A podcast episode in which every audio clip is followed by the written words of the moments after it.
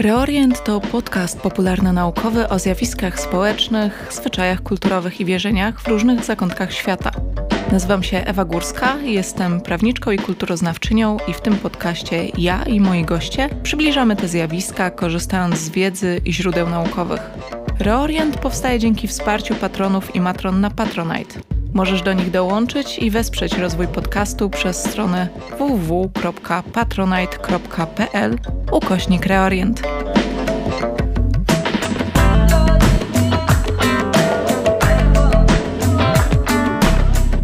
Witajcie w kolejnym odcinku podcastu Reorient. Dzisiaj moją gościnią jest Magdalena Nazimek-Rakoczy. Prawniczka, filozofka, doktorantka w Katedrze Teorii i Filozofii Prawa na Uniwersytecie Łódzkim, ale także prezeska i koordynatorka zespołu prawniczego Stowarzyszenia Nomada w wrocławskiej organizacji pozarządowej działającej na rzecz praw człowieka i w tym praw migrantek i migrantów. Również prawniczka Miejskiego Punktu Informacji w Romigrant we Wrocławskim Centrum Rozwoju Społecznego. Magda jest ekspertką z zakresu legalizacji pobytu i pracy, ochrony międzynarodowej, detencji cudzoziemców oraz przemocy motywowanej uprzedzeniami. Cześć Magda.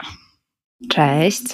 Nie będziemy tutaj ukrywać i pewnie wszystkim już tytuł i tak to zdradzi przed słuchaniem, ale spotykamy się, żeby rozmawiać o prawie dotyczącym uchodźców i migrantów, do czego jesteś najbardziej kompetentną osobą, chyba jaką znam. I zaczynając, chciałam podpytać w ogóle o te terminy, którymi się ciągle posługujemy, bo od kiedy też trwa kryzys humanitarny na granicy z Białorusią, a ciągle trwa już ponad rok, i od kiedy też e, zaczęła się agresja Rosji na Ukrainę i obserwowaliśmy tą zmasowaną pomoc dla uchodźców z Ukrainy, no to kwestia uchodźstwa i migracji stała się takim tematem, który ciągle jest obecny i w rozmowach Polaków, i w mediach, i w ogóle w tej sferze popularnej, ale wszyscy chyba tymi terminami migrant, uchodźca, osoba poszukująca ochrony się wymieniają i nie zawsze wiedzą, co one znaczą. I to już w tym podcaście się czasem pojawiało, ale czy możemy jeszcze raz powtórzyć, czym róż, różnią się te terminy i jak wygląda sytuacja prawna tych różnych kategorii osób? Jasne. Myślę, że to jest bardzo istotne, żeby dobrze nazywać pewne zjawiska i osoby, które przybywają do naszego kraju. Więc warto tutaj zacząć od takiego najbardziej ogólnego pojęcia, jakim jest pojęcie migranta, migrantki. Jest to na tyle szerokie pojęcie, które wskazuje nam sam fakt, że osoba zmieniła miejsce bądź kraj zamieszkania, więc bardziej jest ono nakierowane na, na to, że osoba się przemieszcza i czasowo bądź długoterminowo przebywa w innym miejscu bądź kraju niż kraj pochodzenia.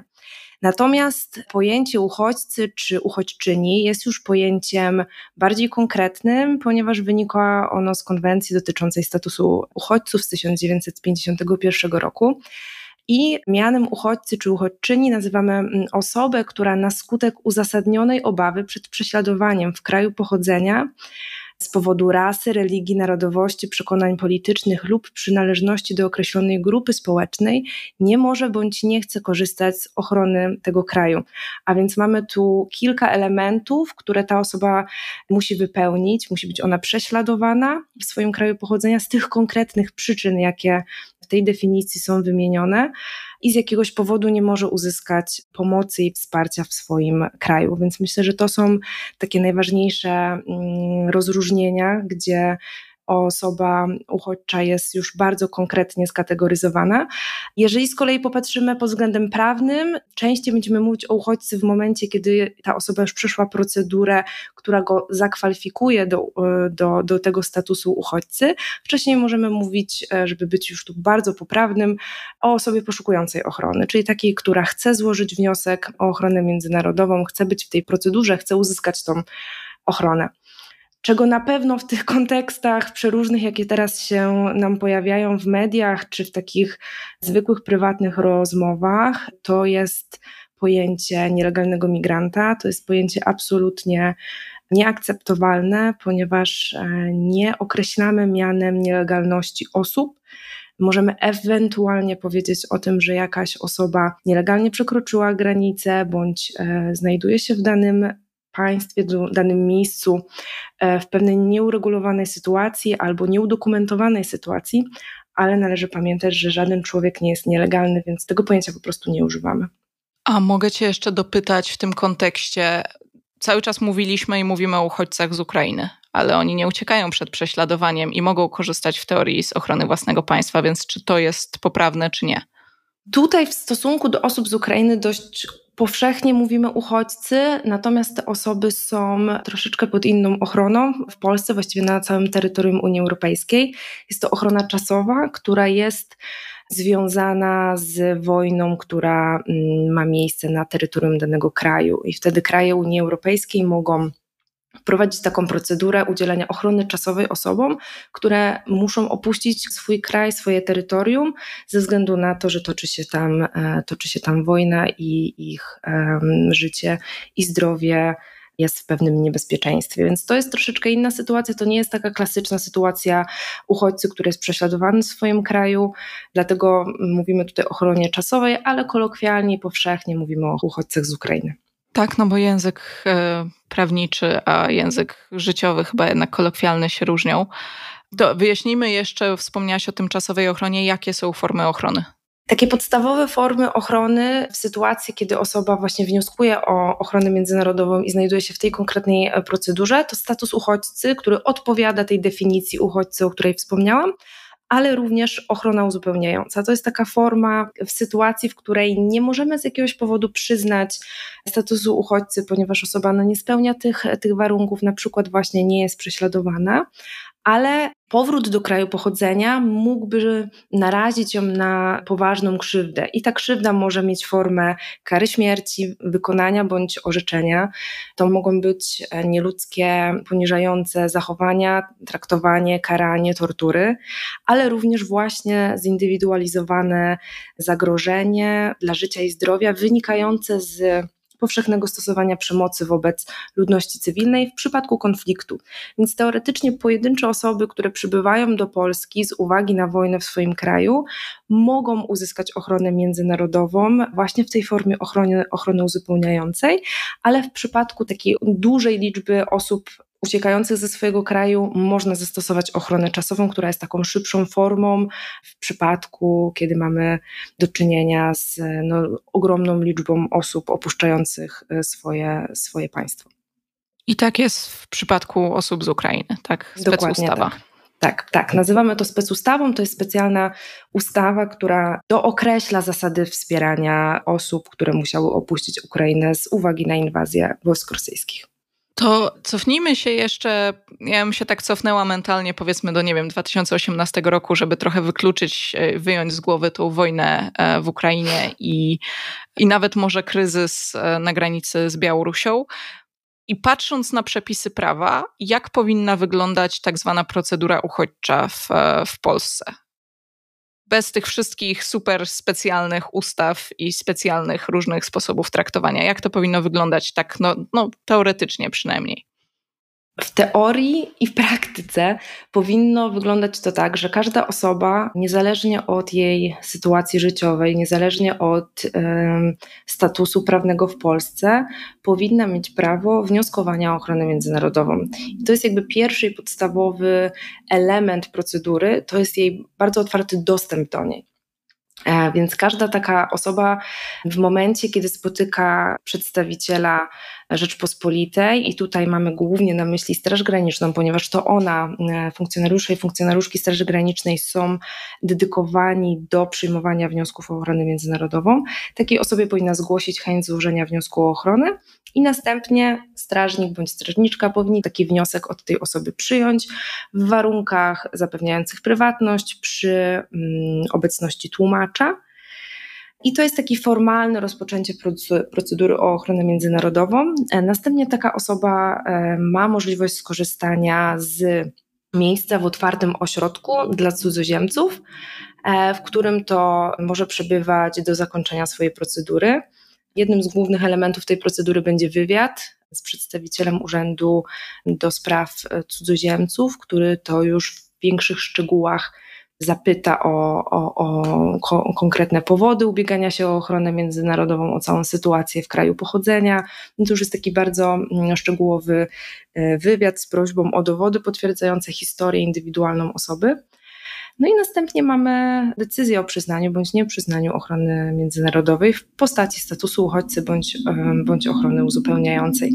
W międzyczasie może się również zdarzyć tak, że Straż Graniczna mm, uzna, że dana osoba z powodów, które są wymienione w ustawie, powinna znaleźć się w strzeżonym ośrodku dla cudzoziemców i wtedy może skierować wniosek do sądu o umieszczenie takiej osoby w strzeżonym ośrodku. I w tym ośrodku mogą być umieszczone osoby jedynie na podstawie postanowienia sądowego.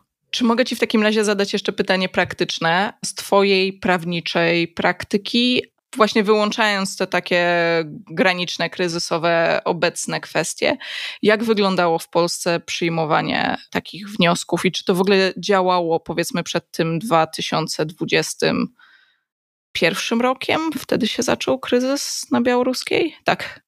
Myślę, że w większości przypadków yy, ta procedura działała i na przykład tutaj u nas we Wrocławiu zwykle, do tej pory zresztą, nie ma problemów z kwestią przyjmowania wniosków o ochronę międzynarodową. To jest sytuacja, w której możemy tak naprawdę umówić się z funkcjonariuszem bądź funkcjonariuszką Straży Granicznej na takie spotkanie, na którym osoba będzie mogła zgłosić chęć złożenia wniosku o ochronę w momencie y, jakichś zatrzymań, czy to na lotnisku, czy w innych okolicznościach, też zwykle nie mieliśmy informacji o tym, aby ten dostęp był utrudniony.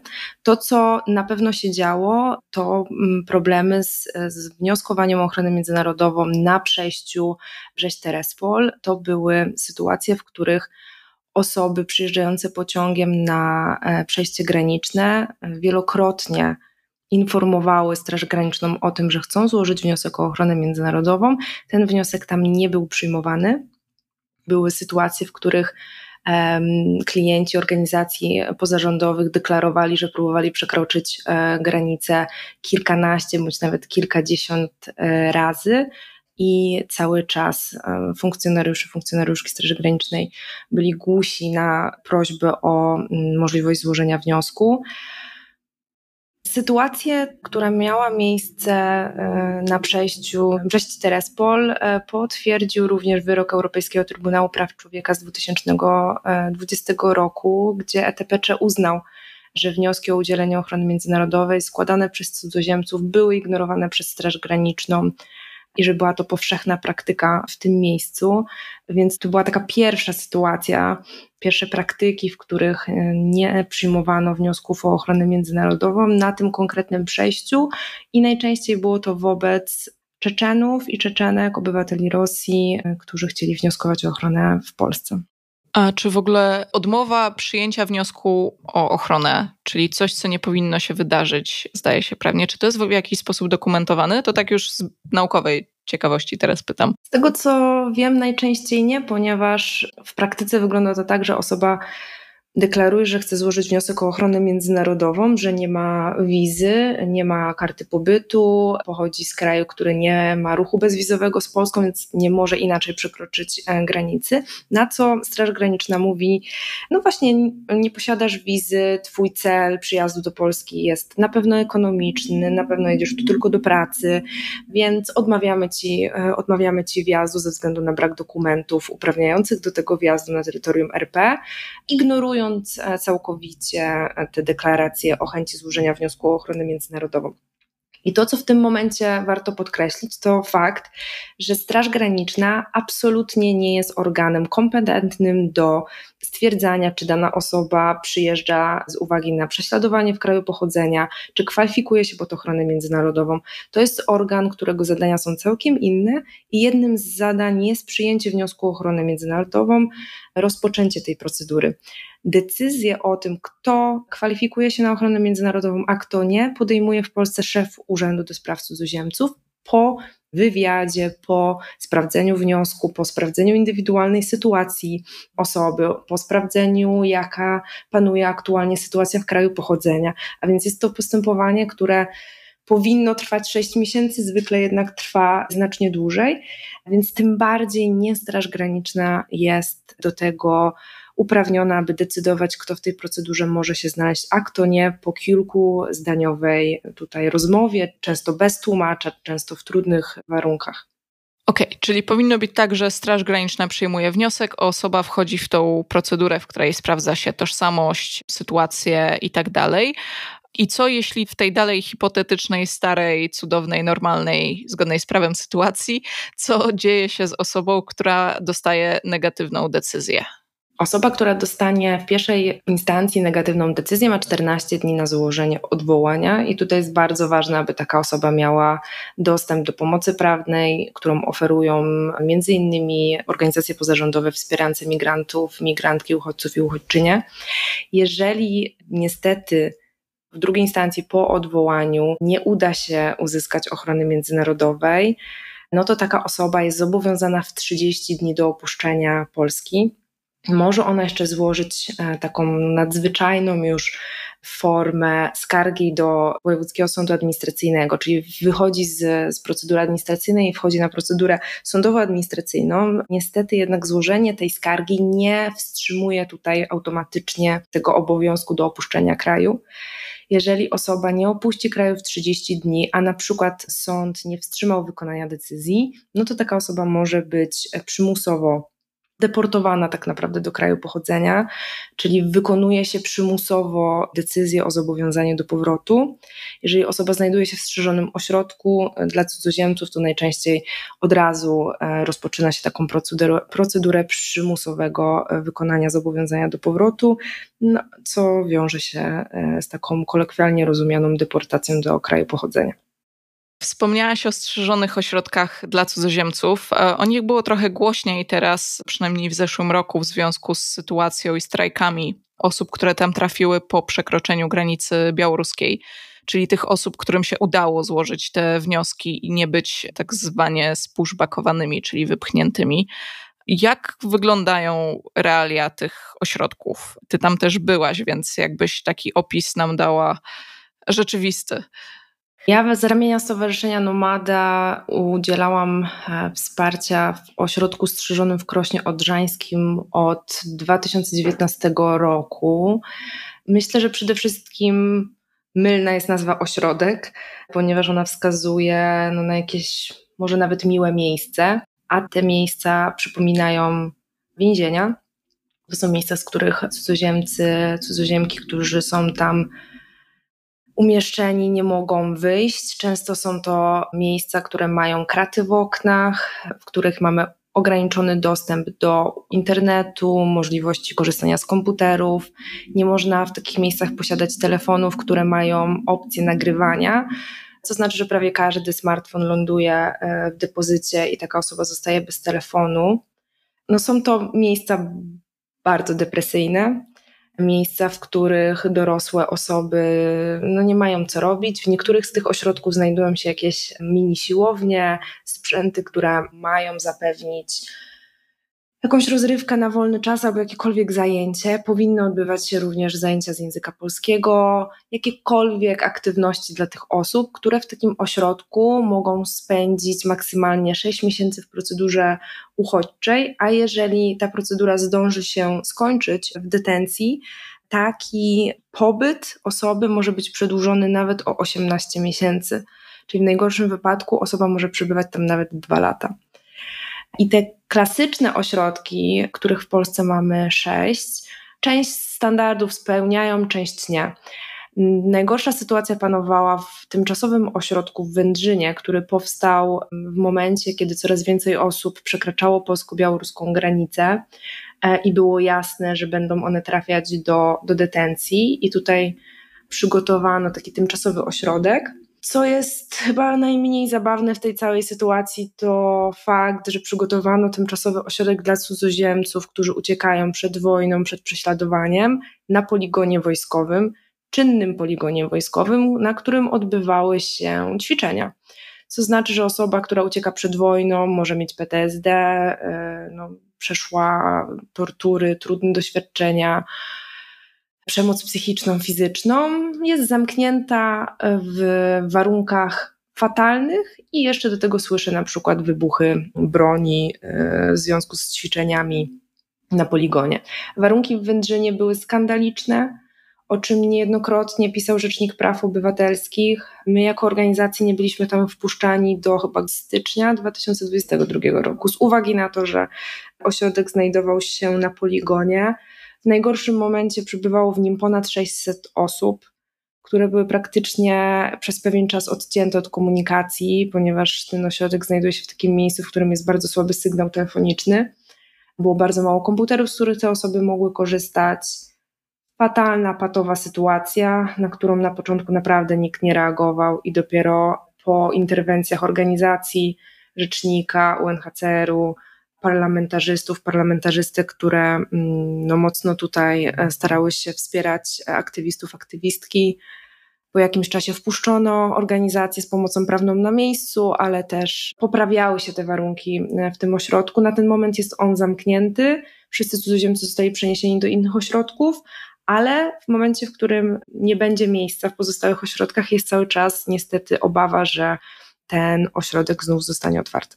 Myślę, że wszyscy wiemy i to z tej rozmowy też wynika i z poprzednich e, odcinków tego podcastu. E, myślę, że też osoby, które słuchają e, Reorientu cały czas, to już trochę są zaznajomione z tematem. No właśnie, ale oczywistym chyba jest dla wszystkich, że sytuacja i traktowanie różnych grup osób szukających ochrony, czy choćby tylko przejazdu przez Polskę, w każdym razie próbujących przekroczyć granicę polską, była bardzo różna w ostatnich latach.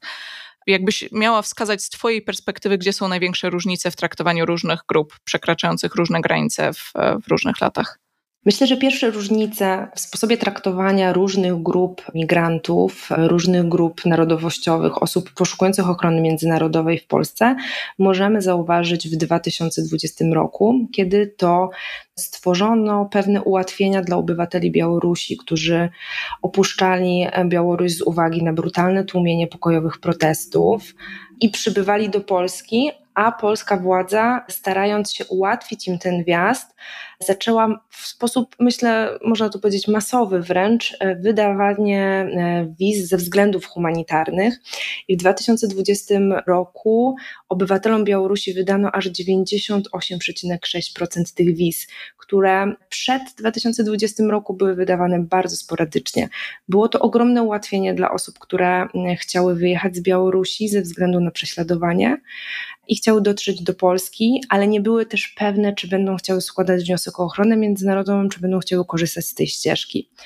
E, zaraz po tym e, wprowadzono kolejne ułatwienie, jakim była możliwość pracy na tych wizach humanitarnych e, bez dodatkowych zezwoleń na pracę. Wprowadzono kilka innych ułatwień, kilka innych ścieżek, zachęcających Białorusinów i Białorusinki do przyjazdów do Polski. To był taki pierwszy moment, w którym mogliśmy zauważyć, że jeżeli jakaś grupa obywateli, jakaś grupa narodowościowa jest mile widziana w Polsce, to ten przyjazd, ten dostęp do wsparcia może być faktycznie e, dużo, dużo prostszy. Następnie mieliśmy e, możliwość smutnego obserwowania tego, co się zaczęło dziać na granicy polsko-białoruskiej, ale to jest również świetny przykład tego, że jeżeli jakieś osoby nie są mile widziane w tym kraju, jak wiele procedur można nagiąć, jak wiele procedur można zmienić, e, jak wiele e, standardów międzynarodowych, praw można tak naprawdę unicestwić w, w chwilę. I tutaj znamy wszyscy sytuację z, z pogranicza, a więc i wprowadzenie stanu wyjątkowego, który ograniczał prawa do informacji publicznej, wolność przemieszczania się, przede wszystkim uniemożliwiał uniesienie pomocy humanitarnej i medycznej cudzoziemcom, którzy znajdowali się na terytorium tego, tego stanu wyjątkowego. Była możliwość e, wydalania cudzoziemców. Wprowadzono tą możliwość wydalania cudzoziemców z terytorium RP bez konieczności wszczynania całego postępowania o zobowiązanie do powrotu, który właśnie ułatwiał wypychanie osób e, za granicę Polski e, z powrotem do Białorusi. Wprowadzono możliwość pozostawienia wniosku bez rozpoznania, wniosku o ochronę międzynarodową, jeżeli osoba została zatrzymana niezwłocznie po przekroczeniu granicy i, i ten wniosek został w ten sposób złożony. To jest szereg ogromnych e, naruszeń i szereg e, zmian, które wchodziły bardzo szybko, które miały uniemożliwić przekraczanie tej granicy, wnioskowanie o ochronę międzynarodową, ale również niesienie pomocy przez e, osoby lokalne, przez aktywistów, aktywistki, przez organizacje pozarządowe. I już takim no, symbolem tego, jak bardzo można e, starać się to utrudnić, jest budowa muru, która e, nastąpiła z kolei z pominięciem przepisów prawa budowlanego, prawa wodnego, prawa ochrony środowiska. Te wszystkie przepisy nie miały żadnego znaczenia, byle tylko wprowadzić kolejne utrudnienie dla tych osób. Przychodzi 24 e, lutego 2022 roku, moment inwazji wojsk rosyjskich na terytorium Ukrainy. I możemy znów obserwować, jak wiele można zrobić dla grupy migrantów, migrantek, osób potrzebujących wsparcia, potrzebujących ochrony w momencie, kiedy władze są im sprzyjające. I tutaj jedną kwestią jest wprowadzenie mechanizmów ochrony czasowej na terytorium Unii Europejskiej, ale również masowo wydawano zgody na wjazd na terytorium Polski mimo że osoby nie spełniały takich wymogów, na przykład nie miały paszportów biometrycznych, czasem miały tylko wewnętrzne dokumenty ukraińskie wprowadzono całą ustawę, która ma określać, w jaki sposób możemy wspierać osoby z Ukrainy. Mamy tu przyznawanie świadczeń socjalnych, zapewnienie zakwaterowania, wyżywienia, e, legalizacja pobytu, prawo pracy właściwie dla e, wszystkich e, osób z Ukrainy w tym momencie, więc otwarty dostęp do rynku pracy, więc szereg mechanizmów, które te osoby miały wspierać. I tak jak wcześniej mogło nam się wydawać, że nasza władza jest przeciwko uchodźcom i niewiele możemy z tym zrobić, tak dziś widzimy, że wszystko zależy od tego, kto chce o tą ochronę międzynarodową się w Polsce ubiegać i jakie intencje tak naprawdę stoją e, za pewnymi rozwiązaniami prawnymi. Okej, okay, powiedziałaś o samych różnicach i o tym, że stoją za tym jakieś intencje, ale jakbyśmy rozszerzyły ten temat, to skąd według Ciebie wynikają te różnice w traktowaniu różnych grup osób z zagranicy? To jest bardzo interesujący i dość szeroki temat, którym e, ja osobiście zajmuję się również naukowo, który jest tematem mojego doktoratu. Moja perspektywa na to jest taka, że mamy pewne trzy przestrzenie, które na siebie e, wpływają, jeżeli e, mówimy o kwestii migracji czy kwestii zarządzania migracją. I mogą to być rozwiązania prawne, o których wspominałam przed chwilą. Mogą to być również założenia polityk, których w Polsce mamy niewiele, niestety, mimo wnioskowania o to od wielu, wielu lat przez przedstawicieli, przedstawicielki organizacji pozarządowych. Wciąż w Polsce nie mamy kompleksowej polityki migracyjnej, mamy pewne dokumenty, które e, wskazują nam pewne szczątkowe założenia, ale tak naprawdę te założenia jesteśmy w stanie wydobyć z rozwiązań prawnych i z tego podejścia do określonych grup migrantów i migrantek. I takim kolejnym obszarem będą fundamentalne cele i wartości. Te wszystkie rzeczy możemy ująć w koncepcji praw terytorialnych w zakresie migracji. Czym są prawa terytorialne, które właśnie są mi tematem bardzo bliskim? Za definicją CARE 9 e, prawa terytorialne są to prawa jurysdykcyjne wobec osób i zasobów znajdujących się na danym terytorium, prawo własności do tych zasobów oraz kompetencja do ustalania prawa pobytu, imigracji oraz obywatelstwa na danym terytorium. To znaczy, że pewien podmiot, najczęściej uznajemy, że jest to państwo, ma te wszystkie prawa, które w różny sposób może kształtować. I tutaj moją koncepcją jest podział tych praw na prawa klasyczne ich klasyczne rozumienie, klasyczną interpretację i na nowoczesny sposób podejścia do tych praw terytorialnych. Różnica będzie polegać e, na tym, że klasyczne prawa terytorialne będą opierać się na państwie w rozumieniu narodowym, a więc to naród decyduje o tym, jak e, realizowane są pewne prawa na, na terytorium państwa. Ta wspólnota narodowa jest bardzo silna, jednolitość tego społeczeństwa jest bardzo ważna państwo jest regulowane w taki sposób, e, że to jest nasze terytorium, my możemy decydować o tym, jak tutaj będzie, nikomu nic do tego. Granice mogą być właśnie traktowane jako taki mur, przez którego nikt nie powinien móc przeskoczyć. Chronieni są obywatele, tożsamość tych obywateli jest związana właśnie z ich narodem. Natomiast nowoczesna koncepcja idzie w kierunku współpracy międzynarodowej, idzie w kierunku solidarności globalnej, nie tylko na przykład sąsiedzkiej. Podmiotem praw terytorialnych może być wspólnota międzynarodowa, może być sama ludność, a nie, a nie państwo. Ważnymi wartościami w nowoczesnej koncepcji praw terytorialnych będzie wolność, wolność poruszania się, e, znoszenie granic, prawa człowieka, tożsamość niekoniecznie budowana w oparciu o nasze obywatelstwo czy naszą narodowość. Elementy tych koncepcji praw terytorialnych możemy właśnie odnajdywać w rozwiązaniach prawnych, w założeniach politycznych, w wartościach i celach, jakie przy, mają przyświecać, czy do jakich dążymy e, dzięki tym rozwiązaniom.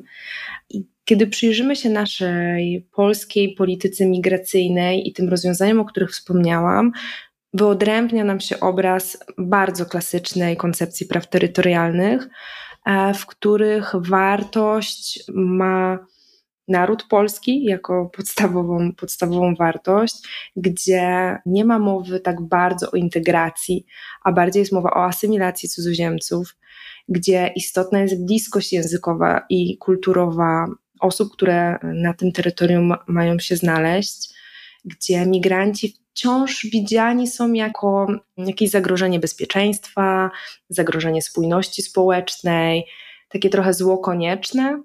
Bardzo często do migrantów i migrantek podchodzi się w taki jednowymiarowy sposób, a więc mają e, służyć naszemu rynkowi pracy, naszej gospodarce, a pomija się inne elementy tożsamości tych osób nie podchodzi się w sposób podmiotowy do migrantów i migrantek w Polsce, ani w sposób włączający ich we wspólnotę, e, wspólnoty lokalne, czy, czy naszą tutaj wspólnotę państwową.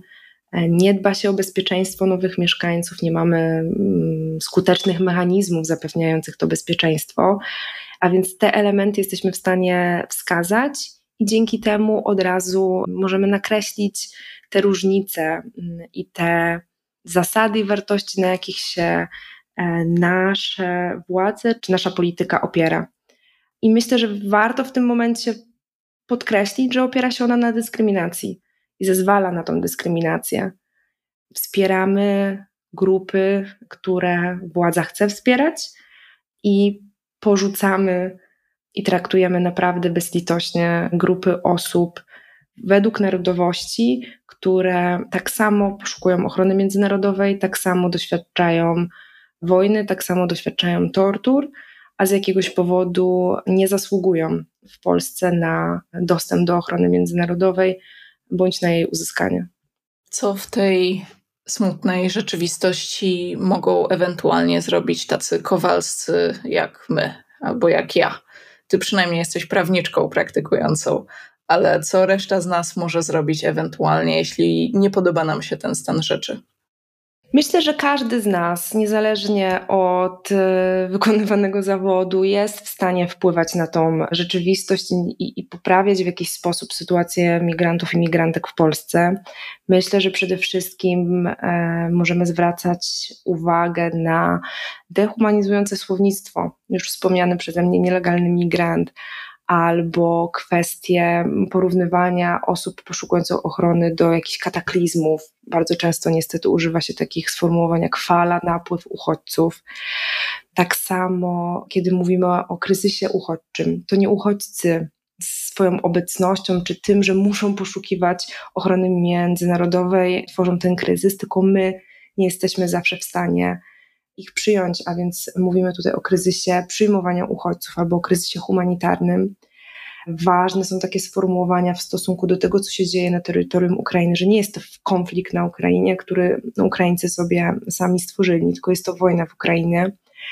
Myślę, że to jest naprawdę bardzo ważne, ponieważ język kształtuje nam rzeczywistość, kształtuje nam sposób myślenia. E, I to jest, e, to jest cegiełka, którą możemy do, dołożyć do tego, aby kształtować e, bardziej inkluzywny świat. Myślę, że każdy z nas może poszerzać świadomość o tym, co dzieje się w innych państwach, co dzieje się w innych miejscach na świecie, tak aby zrozumieć lepiej, dlaczego z niektórych miejsc naprawdę ludzie muszą uciekać, dlaczego są różne mniejszości w różnych zakątkach świata prześladowane, co może ich tam spotykać, za to, że są tacy, a nie inni, takiego obywatelstwa, takiej religii, takiego koloru skóry. E, więc myślę, że e, im więcej wiemy o sytuacji na świecie, tym bardziej może być dla nas jasne i bardziej zrozumiałe, dlaczego mm, ludzie muszą opuszczać swoje kraje pochodzenia. To, co jest mi szczególnie bliskie, ponieważ e, Stowarzyszenie Nomada od wielu, wielu lat zajmuje się przemocą motywowaną uprzedzeniami, jest taka mm, potrzeba wrażliwości na to, co dzieje się obok nas. Migrantki i migranci doświadczają dyskryminacji, doświadczają przemocy z powodu pochodzenia właściwie codziennie, ponieważ mówią nie takim językiem, nie mówią w języku polskim, ich strój sugeruje konkretną religię, albo po prostu komuś nie pasuje, że są migrantami, migrantkami i doświadczają przemocy słownej, przemocy fizycznej, bardzo, bardzo często i my, będąc świadkami takich sytuacji, które mogą się nam zdarzyć w przestrzeni publicznej, bardzo ważne jest, żebyśmy na nią reagowali, aby w takiej sytuacji przede wszystkim wesprzeć osobę, która jest atakowana, zapewnić jej bezpieczeństwo, tak aby poczuła się, że nie jest sama, e, wezwać policję, jeżeli możemy udokumentować sytuację, może być to bardzo ważne w następnych etapach postępowania. Są to sytuacje które mogą naprawdę przydarzyć się każdemu i każdy może być ich świadkiem, więc warto być na takie sytuacje wyczulonym i gotowym.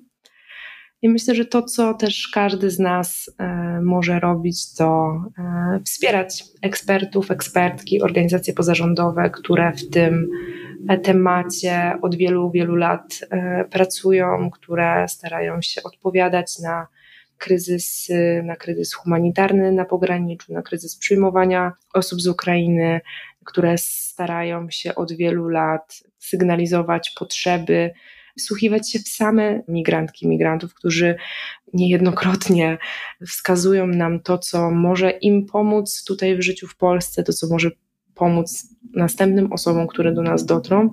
E, więc myślę, że to jest też, też bardzo ważne, żeby oddawać przestrzeń tym osobom, abyśmy mogli usłyszeć ich, e, ich głos. Super. Bardzo Ci dziękuję za tę dziękuję rozmowę. bardzo również. Mam nadzieję, że do niej wrócimy na żywo. Znowu się przyznaję na foni, ale rozmawiamy online i to naprawdę nie jest dobra forma rozmawiania. Więc następna nasza rozmowa może być równie przynajmniej ciekawa co ta, a przynajmniej lepiej nagrana. E, także stay tuned, bo jeszcze będziemy do tego wracać.